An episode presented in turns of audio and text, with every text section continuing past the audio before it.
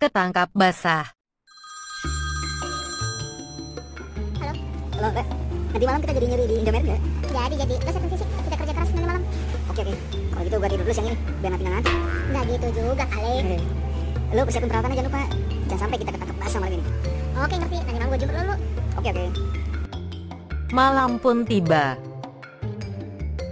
Lu, ayo. Ini pakai jas hujan sama bawa payung gue udah siap ini. Lu ngapain pakai jas hujan? Bawa payung segala.